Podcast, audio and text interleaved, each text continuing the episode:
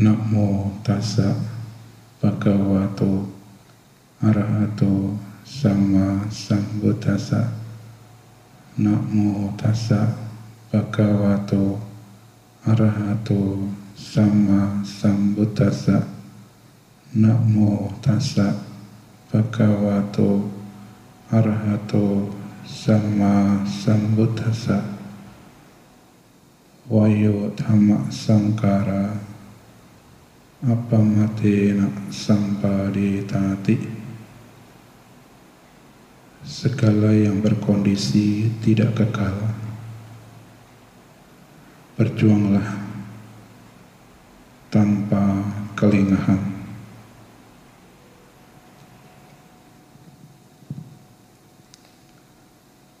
Para ibu bapak saudara-saudari sedama yang berbahagia para upasaka-upasika yang berbahagia, umat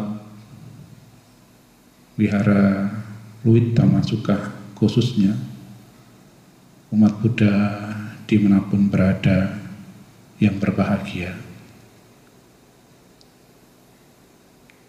Situasi sekarang mengkondisikan kita untuk berdiam diri, diam di rumah, belajar di rumah, kerja di rumah. Intinya aktivitas kita terbatas di rumah saja. Baru kalau ada keperluan sangat mendesak, keperluan untuk rumah tangga baru bisa keluar untuk melakukan aktivitas. Sebuah perubahan yang sangat besar, bukan hanya lingkup masyarakat Indonesia, tetapi perubahan besar ini terjadi di dunia. Wabah COVID-19 Corona adalah sebuah realita, sebuah fakta yang harus dihadapi oleh semua orang. Mungkin kita tidak mengharapkan itu, tidak mengharapkan corona itu datang kepada kita. Tetapi itulah kenyataan, itulah realita yang harus kita lihat, hadapi, dan tentu tidak mudah untuk itu. Para upasaka-upasika yang berbahagia, Situasi sekarang ini sesungguhnya mengajak kita untuk merenung. Merenung agar kita kembali pada spiritual, kembali ke jalan dhamma. Seringkali kalau kita diajak untuk hal-hal yang berkaitan dengan spiritual, dengan dhamma. Banyak alasan yang muncul. Kesibukan, tidak ada waktu, dan sebagainya. Kalau ada alasan-alasan yang sebelumnya tidak ada waktu, banyak kesibukan dan sebagainya, justru sekarang ini yang bilang tidak ada waktu, waktunya sangat banyak. Yang bilang sibuk sesungguhnya aktivitas kita terbatas di rumah. Kalau ada niat, ada kemauan, dan mau mengatur, pasti kita bisa. Ibu orang sekalian, dengan kembali ke jalan damai buat sekalian, kita diajak untuk melihat sesungguhnya kehidupan ini secara objektif bukan subjektif. Kenapa saya katakan seperti itu? Karena umumnya manusia, umumnya manusia hanya mengharapkan yang berkaitan dengan kenyamanan. Sehat sepanjang masa, rezekinya tidak pernah putus, usianya panjang, dan kenyamanan-kenyamanan lainnya.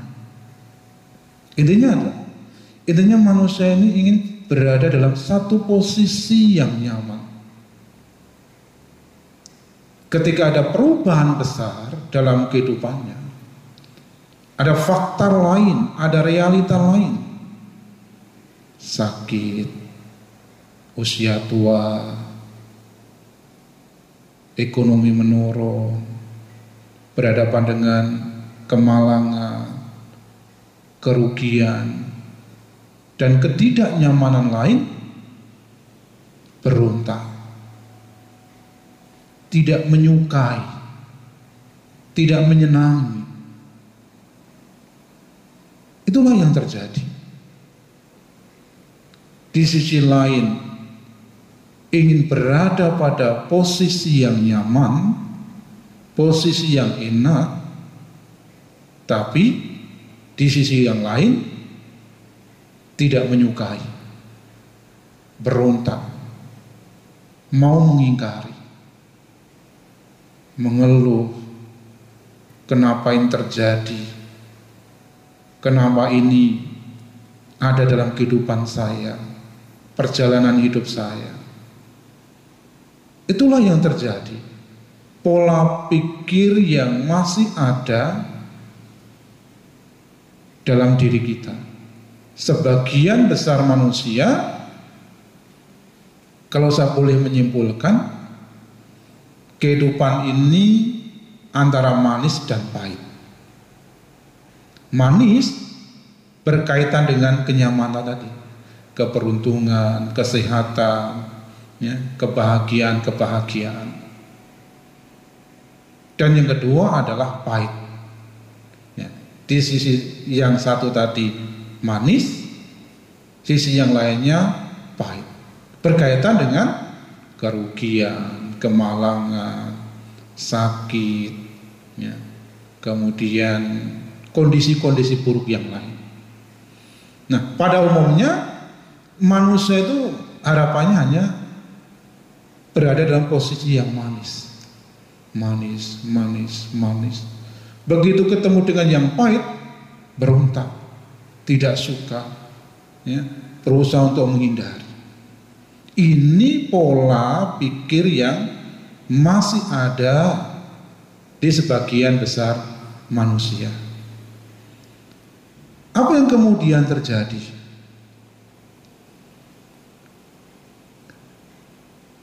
Yang terjadi adalah muncullah yang namanya konflik dalam batin. Batin bergejolak. Akhirnya apa? Bukannya kebahagiaan yang dirasakan tetapi justru penderitaan.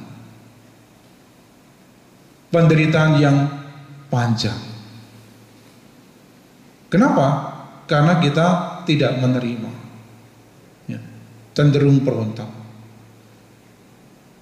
Akhirnya ketakutan, kekhawatiran, kecemasan, ya, kecewa, sakit hati. Itu yang muncul ketika kita berontak, berontak, tidak mau menerima. Dan hanya mau menerima yang manis. Ambil contoh situasi yang sekarang terjadi. COVID-19 atau Corona ini tentu tidak disukai. Siapa yang mau mengharapkan? Tidak ada yang mengharapkan wabah penyakit COVID-19 itu ada di dunia ini, ada dalam kehidupan kita. Tetapi kenyataannya, faktanya ini terjadi dan mendunia. Bukan hanya penyakit saja yang ditakuti, karena ini berkaitan dengan ekonomi, sosial, ya timbullah yang namanya gejolak ekonomi, gejolak sosial, gejolak politik dan sebagainya. Jadi wabah COVID-19 ini memang luar biasa. Nah, apa yang kemudian harus kita lakukan? Berontak, mengeluh, itu bukan solusi. Memang kita tidak tidak mau itu dalam kehidupan kita.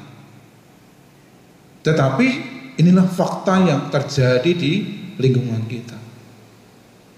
Oleh karena itu, kita diajak untuk merenung. Inilah fakta kehidupan. Inilah realita kehidupan. Di mana semua akan datang. Tak diundang datang kepada kita. Nah di awal tadi saya mengutip wejangan terakhir Guru Agung ya, Buddha Gautama. Wayo dhamma sangkara. Segala yang berkondisi tidak kekal. Maksudnya adalah ada hukum perubahan, ada hukum ketidakkekalan. Faktanya yang dulunya tidak ada corona, sekarang ada corona. Yang dulunya mungkin sehat, bugar, kuat, karena ada penyakit, akhirnya menjadi lemah. Bahkan banyak di antara mereka yang sakit karena corona itu meninggal. Ini fakta bahwa ada yang namanya anicca hukum ketidakkekalan, hukum perubahan. Kita tidak bisa menolak. Kita tidak bisa sembunyi. Karena ini adalah fakta yang memang harus kita hadapi. Wahyu dhamma sangkara. Kehidupan tidak kekal. Ya. Kehidupan dan kehidupan ini dihadapkan dengan hukum perubahan. Oleh karena itu, ya, ada hal-hal yang harus kita lakukan. Para upasaka upasika yang berbahagia. Berapa waktu yang lalu ada yang bertanya, Banti, apa yang harus saya lakukan menghadapi wabah penyakit ini? Saya katakan kepada umat yang bertanya tadi, ya kita harus menghadapi. Karena ini sudah terjadi, ada di sekitar kita. Nah, apa yang harus dilakukan? Langkah pertama adalah memahami dulu.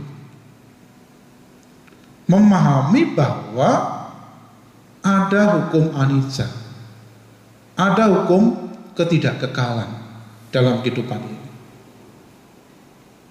Kehidupan ini kalau nggak bahagia menderita. Untung rugi. Dicela, dipuji. Kalau tidak sehat, ya sakit. Maka dalam abinah patawekana, ya, aku akan mengalami sakit belum mampu mengatasi sakit. Artinya apa? Kalau sekarang ini ada wabah penyakit, ya wajar. Ya. Suatu ketika, suatu saat itu, ya bisa saja mungkin muncul virus yang lain. Kita tidak tahu. Walaupun kita tidak mengharapkan. Yang penting memahami dulu. Situasi sekarang ini kan dituntut kita untuk memahami dulu perubahan besar terjadi dalam kehidupan kita. Bayangkan yang tadinya aktivitas di kantor, ya bekerja ada kesibukan harus ke rumah. Yang tadinya anak-anak belajar di sekolah-sekolah, kemudian harus di rumah. Artinya yang tadinya bisa bebas ke mana? Ke mall, nonton, ya, kongko-kongko, ngopi-ngopi. Sekarang dia. Ini kalau tidak punya pemahaman yang benar, berontak. Ya. Kenapa yang terjadi? Bahkan mungkin ada yang stres, shock. Bahkan mungkin kalau tidak siap bukan sakit karena COVID-nya, karena coronanya, tapi sakit karena tidak mampu menghadapi perubahan itu. Sehingga kondisi batinnya menjadi menjadi seperti itu, lapis. Kenapa? Kan tidak bisa memahami. Maka langkah pertama itulah memahami dulu bahwa inilah bagian dari perjalanan kehidupan saya, kehidupan manusia. Di mana ada yang namanya hukum perubahan. Tadinya bisa leluasa bergerak, sekarang terbatas. Ini hukum perubahan. Yang tadinya bisa melakukan kegiatan yang bisa menyenangkan dirinya di luar. Sekarang mau tidak mau kita harus kreatif. Bagaimana supaya kita bisa kuat, ya, supaya lebih fresh dan sebagainya. Ya. Malah sesungguhnya saya belum mengatakan ada hikmah. Ya dulunya mungkin tidak benar masak, ya karena kondisi di rumah bisa belajar masak ya kan?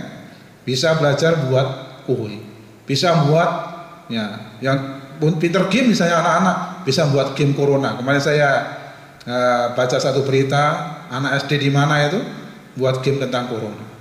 Artinya apa? Kalau kita bisa memahami yang muncul adalah gagasan yang baik. Ya. Ide-ide yang berlian. Memunculkan kreativitas yang yang positif. Masa katakan diam produktif. Ya, diam produktif.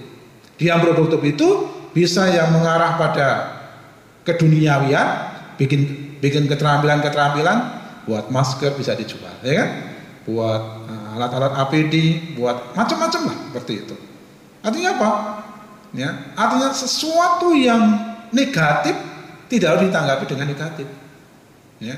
Kemarin itu ada anak SD di daerah Sulawesi nabung untuk beli sepeda. Ya. Tapi karena melihat oh banyak dokter-dokter yang kekurangan APD, tabungannya bongkar, celengannya bongkar, digunakan untuk beli APD, ya didanakan. Ini kan kalau orang itu punya ya punya pemahaman yang benar akan muncul pemikiran seperti itu. Tetapi maka menjadi berbeda kalau kita tidak memahami. Suntuk, kusut, ya kan? Rasanya itu paling menderita, ya kan? Padahal yang menderita bukan kita saja. Semua orang juga merasakan hal yang sama. Ya, bukan keluarga kita, bukan diri kita, keluarga kita. Yang lain, dunia. Ya, kemudian saya baca artikel, 93% orang di dunia diam di rumah. Terbatas aktivitasnya. Inilah yang perlu kita pahami. Ya, memahami bahwa Ya. Kehidupan ini anicca. Kehidupan ini terus bergerak dinamis. Kita tidak tahu apa yang terjadi dalam perjalanan kehidupan kita. Ya. Siapa yang membayangkan ada COVID? Ya. Ada corona? Tidak ada yang bayangkan kan? Ya. Kan? Tidak ada yang bayangkan tahun sekian ada COVID menghadapi seperti ini. Tidak ada yang bayangkan. Ya. Kan? Kadang-kadang kemarin guyonan, ah tidak mungkin ke Indonesia hawanya panas ya gitu. Waktu saya kemarin ke Papua juga gitu, wah Papua lebih panas lagi. Tetapi yang namanya penyakit itu kan bisa terjadi di situasi apa pun. Tidak mengenal musim dingin, musim panas, musim semi dan sebagainya. Kalau itu memang terjadi, ya akan terjadi. Yang penting adalah memahami. Nah, memahami ini akan membuat kita tidak panik. Membuat kita tidak resah. Kenapa sih kemudian panik, resah, ya, khawatir, takut? Karena kita tidak memahami. Ya. Apalagi ditambah berita medsos misalnya. Wah, tambah khawatir, tambah cemas, ya, tambah panik, tambah takut. Nah, harusnya kita ya kembali ke dhamma. Ya. Kalau kita kembali ke dhamma akan muncul pemahaman seperti itu bahwa inilah kehidupan. Kehidupan itu adalah anicca. Kehidupan itu adalah tidak kekal. Segala yang berkondisi mengalami perubahan. Ya. Sekarang ini ya kita masih muda, ya kan? Umur di bawah 50. Dan suatu ketika umur bertambah bertambah kondisinya akan berubah. Rambut memutih, ya kan? Badannya juga nanti udah apa istilahnya rapuh. Jalan jalan sudah ya semboyongan akan begitu. Ini fakta yang akan terjadi dan kita tidak bisa memungkiri itu. Inilah anicca. Jadi langkah pertama adalah memahami. Jadi menghadapi perubahan itu tidak harus kemudian kita cemas, khawatir, takut yang berlebihan. Mana ada umat yang bilang, Bante takut kan wajar. Mengeluhkan wajar. Ya. Kita tidak menerima kondisi ini kan wajar. Saya katakan wajar. Wajar mengeluh, wajar muncul kecewa, wajar muncul ya hal-hal yang buruk dalam pikiran kita. Tetapi jangan kemudian larut. Ya, larut. Artinya apa? Kecewa. Ya wajar muncul kecewa namanya belum batinnya belum misalnya belum dewasa, batinnya belum bersih ya. Tetapi karena ya kita mempunyai pandangan yang lebih baik lagi, Ya, jangan kemudian kita larut di situ. Larut dengan kecemasan, ketakutan, kekhawatiran, kesedihan, itu bukan solusi. Maka langkah pertama kembali saya tegaskan adalah memahami hukum perubahan itu. Ketika memahami hukum perubahan itu akan muncul yang namanya keyakinan di dalam diri kita. Keyakinan itu akan tidak akan membuat kita menjadi ragu menghadapi proses kehidupan menjadi mantap. Ya kan? Kalau kita ngomong, oh saya menderita, oh ada yang lebih menderita lagi kok, ya kan? Ada yang lebih menderita lagi. Kemarin teman ada orang yang sampai baru satu bulan udah tidak bisa makan. Ini ada berita yang seperti itu. Ya, artinya apa? Kalau kita ngomong menderita, paling menderita katakanlah ternyata masih ada yang lebih menderita. Inilah yang harus kita pahami seperti itu. Nah, langkah berikutnya adalah Kalimat berikutnya kan apa madina sampadita. Ya. Wayut hama sangkara. Apa madina sampadita. Apa madina sampadita. Berjuanglah tanpa kelingahan. Ya. Artinya apa? Berjuang dengan sungguh-sungguh. Hidup tidak pasti, hidup tidak kekal. Karena hidup tidak kekal, hidup tidak pasti, kita harus melakukan sesuatu untuk kehidupan kita. Saya selalu menggunakan kalimat ini.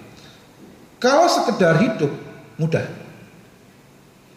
Tetapi hidup berkualitas itu yang tidak mudah. Ya. Kalau sekedar hidup, ketika kita di rumah saja, ya kan, maka maka makan hidup toh, ya kan? Yang penting ada bahan pokok yang untuk dimasak, hidup. Tetapi hanya sekedar hidup. Bukan hidup berkualitas, bukan hidup berkarakter. Maka tadi saya katakan diam produktif itu membuat hidup kita menjadi lebih berkarakter, lebih bermanfaat, lebih berguna, lebih berkualitas.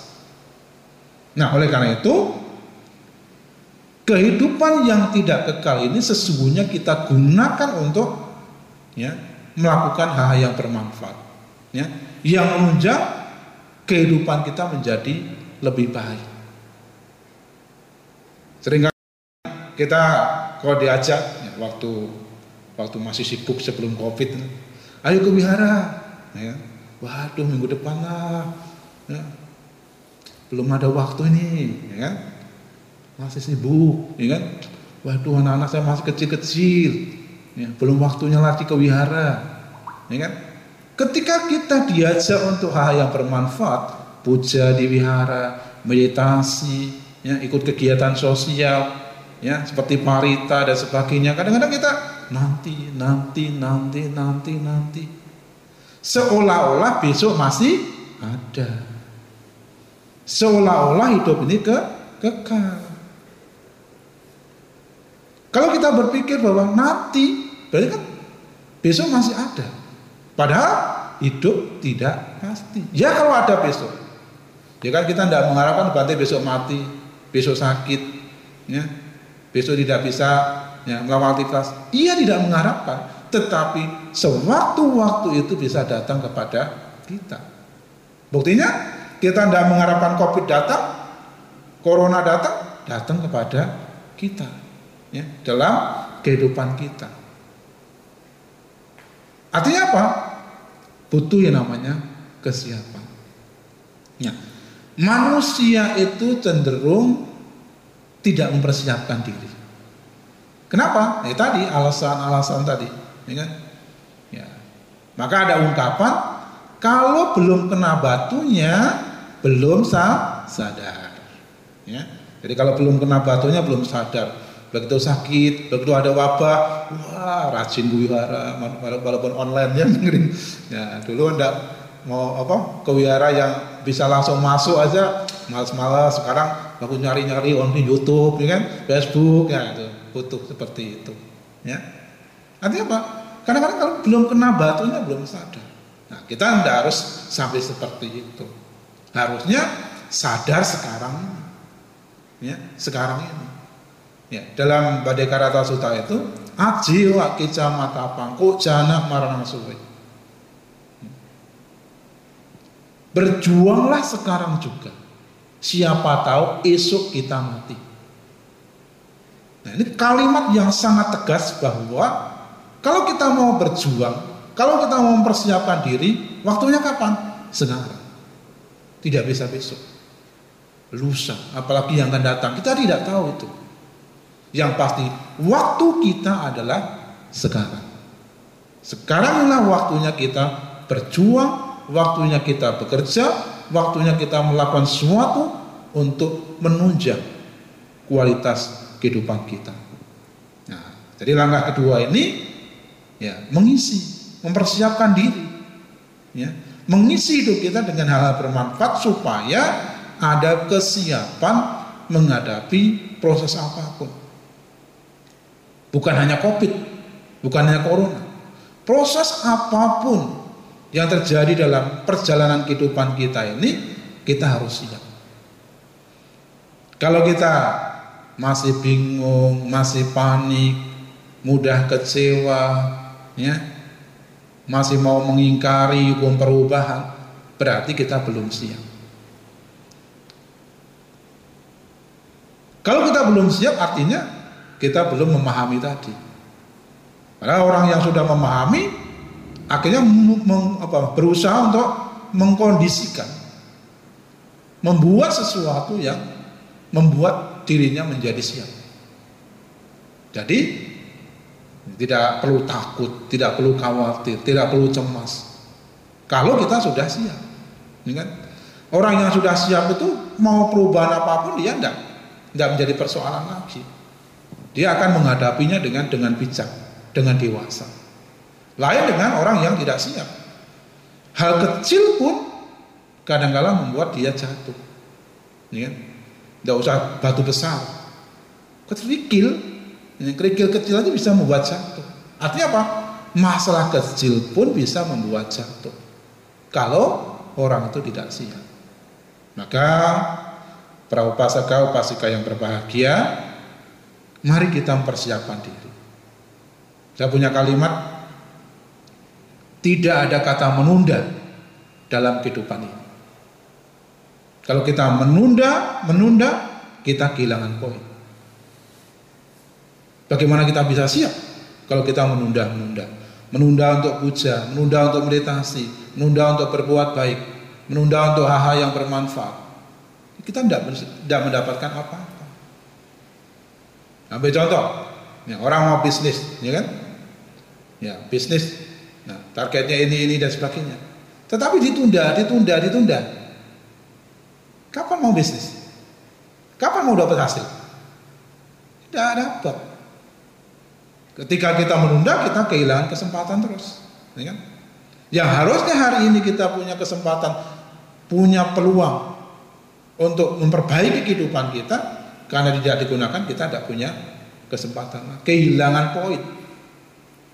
Nah oleh karena itu tidak ada kata menunda. Terus lakukan terus, ya. ya. Ada orang yang bertanya, Bante sampai kapan berbuat baik? Ya berbuat terus, berbuat baik terus. Tidak usah sampai kapan, berbuat baik terus saja. Ketika selagi eh, apa tubuh masih sehat, masih kuat, gunakan terus. Ya, gunakan terus. Ya. Saya terharu uh, kemarin juga ada berita inspiratif juga. Ketika ada pembagian sembako, nenek-nenek itu bilang, saya nggak mau nerima saya masih bisa makan. Saya masih ada beras. Nah, orang yang seperti itu enggak jarang sekali. Ya sana ketika dapat, wah, di sana masih banyak numpuk-numpuk keserakahan yang muncul. Nenek-nenek ini. Artinya apa? Nah, dia tahu bahwa dia masih kuat kok, masih sehat kok, masih punya kesempatan untuk melakukan sesuatu untuk dirinya. Kalau yang lain, ada orang lain yang masih membutuhkan kasih yang lain. Wah, pemikiran yang luar biasa ini. Nah, harusnya kita ini sering mendengar berita-berita yang inspiratif itu, ya kan? Supaya ketika kita berada di rumah, ya lalu cuma medsos yang ini ini berita yang hoax-hoax itu ya, ya nanti malah membuat kita tambah tambah menderita, tambah sakit, tambah gelisah dan sebagainya. Berita-berita inspiratif begitu, itu yang akan membuat kita menjadi ya, semangat menghadapi ya, proses kehidupan ini. Jadi tidak ada kata menunda. Ya, gunakan terus, gunakan terus. Bagi umat Buddha, ya, dana sila bawana ini harus di bukan hanya sekedar menjadi wacana, bukan sekedar menjadi pengetahuan, tetapi marilah kita praktekkan, ya, praktekkan dalam kehidupan sehari-hari. Dana misalnya, dana itu kerelaan, ya, pengorbanan. Apa yang kita korbankan? Bisa waktu, bisa tenaga, bisa pemikiran. Situasi sekarang ini peluang berbuat baik kita besar sekali. Ada orang-orang membutuhkan, ya kan? Berapa orang yang bukan berapa orang, berapa ribu orang yang kehilangan pekerjaan. Bahkan bukan ribu juta mungkin ya, ya bisa lama begini bisa berapa juta orang yang kehilangan pekerjaan. Ya. Artinya banyak orang yang membutuhkan. Nah sebagai umat Buddha, ya yang dalam dhamma diajarkan tentang dana, kerelaan ya mari kita menggunakan peluang ini mau berbagi masker APD nasi bungkus ya saya lihat komunitas Buddhis banyak ini bagi nasi bungkus eh, sembako APD masker dan sebagainya ini luar biasa nah ini kesempatan kita artinya apa di situasi yang sulit bukan berarti kita kehilangan kesempatan untuk berbuat baik nah karena ada ada kalanya kan Ya, sering berarti wong kita hidup saja sulit masuk bisa berbuat baik. Kan ada yang seperti itu. Padahal situasi sesulit, nenek tadi ya, dia juga nenek-nenek yang mungkin orang mandangnya wah yang sebatang kara, mungkin ya, secara penglihatan kasar dia membutuhkan. Kenapa ternyata mereka nenek itu malah kasih yang lain dulu, saya masih kuat. Nah, artinya apa? Dia masih walaupun nenek berbagi dari memberikan kesempatan orang untuk menerima yang harusnya menjadi miliknya. Nah, ini sudah berbuat baik. Jadi situasi sulit bukan berarti kemudian menghentikan kita untuk berbuat baik. Justru ini peluangnya besar, ini kan ke berdana yang bermanfaat itu kan berdana yang tepat waktu. Nanti apa? Sekarang tepat waktu semua tuh. Hanya orang yang butuh makan, butuh sembako, ya, dokter-dokter butuh APD, yang butuh alat-alat kesehatan sebagainya. Ini kesempatan yang luar biasa untuk mengembangkan dana. Jadi praktekkan dana kerelaan itu. Ini peluang kita, peluang kita. Saya mengimbau kepada umat Buddha, bila Buddha Masuka, umat Buddha di mana pun berada, mari di suatu yang di suatu situasi yang sulit ini bukan menghentikan kita untuk berbuat baik, tetapi semakin kencang ya, semakin semangat untuk berbuat baik, kembangkan dhamma. Sila, ya, perilaku kita juga harus dijaga. Ya, sekalipun situasinya tidak menguntungkan bagi kita, bukan berarti kita kehilangan kesempatan untuk praktek dhamma. Ya, utamanya sila. Jaga terus perilaku kita. Ya. Kemudian bawana. Ya, bawana itu penting sekali. Kenapa? Perubahan, ya. Ya, perubahan dalam kehidupan ini dibutuhkan namanya kesiapan mental. Nah, kesiapan mental ini berkaitan dengan batin. Ya, batin. Artinya apa? Batin perlu dijaga, perlu diolah. Ya. Sebab apa? Sebab batin ini dewasa, kuat. Nah, sering kali kalau ya, diajak meditasi, ya, biara lo misalnya hari Minggu penuh 100, 200 orang. Begitu ayo meditasi 10 orang. Ya, 5 orang. Waduh, belum waktunya meditasi, belum karma saya. Ya. Padahal meditasi itu hal yang luar biasa. Ya kan? Di saat-saat seperti inilah meditasi itu dibutuhkan. Karena kondisi seperti ini dibutuhkan yang namanya ketenangan. Ketenangan batin. Ya, dibutuhkan batin yang tenang. Kalau batinnya tidak tenang, oh udah ke mana? Lior-lior, error, ya? Nah error-error liar ke mana? Maka meditasi itu sangat penting untuk menguatkan mental kita, menguatkan batin kita, supaya batin kita menjadi dewasa, ya, batin kita menjadi kuat, tidak rapuh, sehingga menghadapi apa pun, ya kita akan siap. Karena menghadapi anicca, duka, itu dibutuhkan yang namanya kesiapan batin, kesiapan mental. Maka dilatih terus, dilatih terus, ya kan? Dia Hollywood dan sekarang juga ada itu meditasi tiap Jumat kan? Ya, gunakan peluang itu untuk bermeditasi. Ya, latih terus, latih terus, latih terus, ya. Tidak ada yang namanya berhenti. Ya, dalam latihan. Di dana sila bawaan ini harus dikembangkan. Ya. Harus dipraktikkan dalam keseharian kita. Isi hidup kita dengan dana sila bawaan. Jangan ditunda. Kalimat berikutnya tidak ada kata berhenti. Dalam perjuangan tidak ada kata berhenti. Ya. Namun sering kali kita berhenti. Ya. Ketika apa? Ketika dilakukan dengan kondisi-kondisi tidak menguntungkan.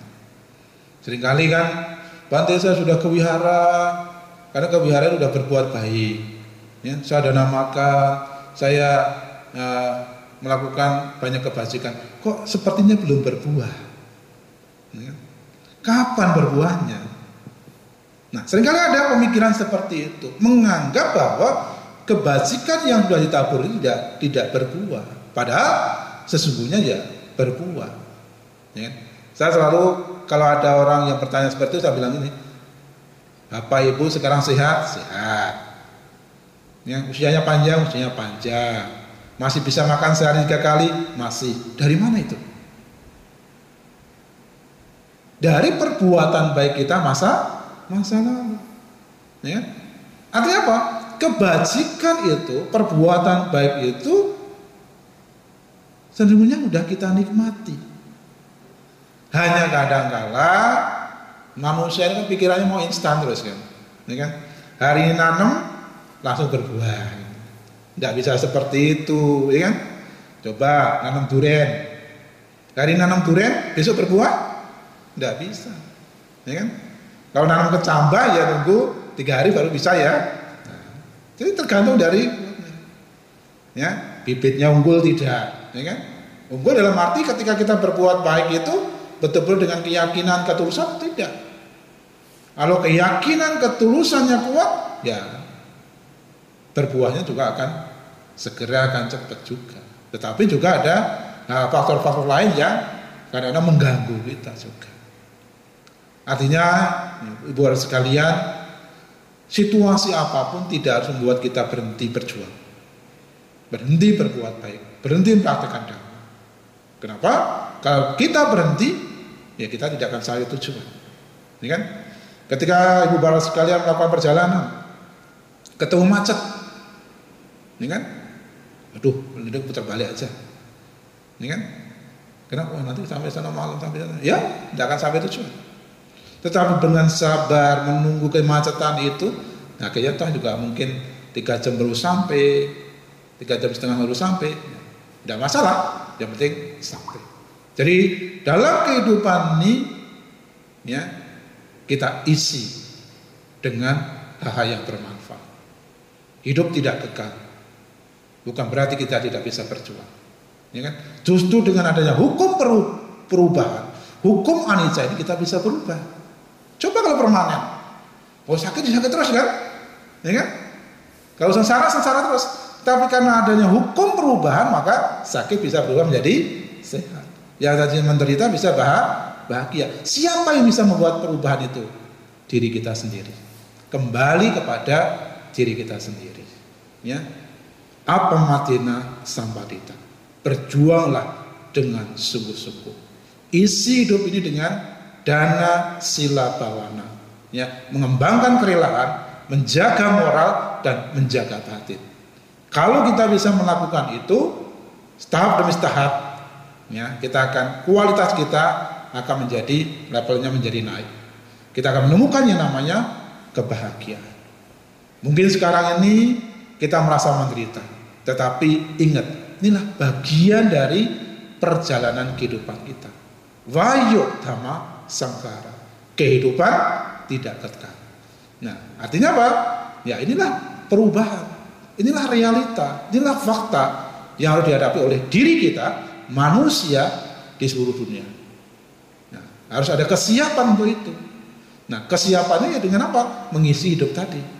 Berjuang dengan melakukan hal yang bermanfaat yang menunjang kebahagiaan batin kita, ya, kualitas hidup kita. Ya. Ini harus yang harus dilakukan. Ya. Upasaka upasika yang berbahagia ya Mas Buddha di mana pun berada ya situasi sekarang ini tidak harus membuat kita panik tidak harus membuat kita takut khawatir berlebihan.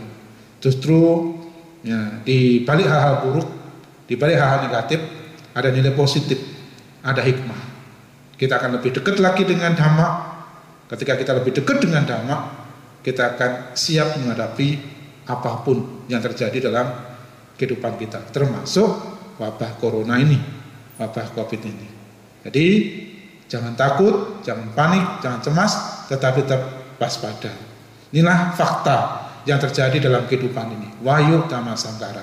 Dan isi hidup kita dengan berjuang, ya, memperjuangkan hal-hal yang menunjang kualitas kehidupan kita.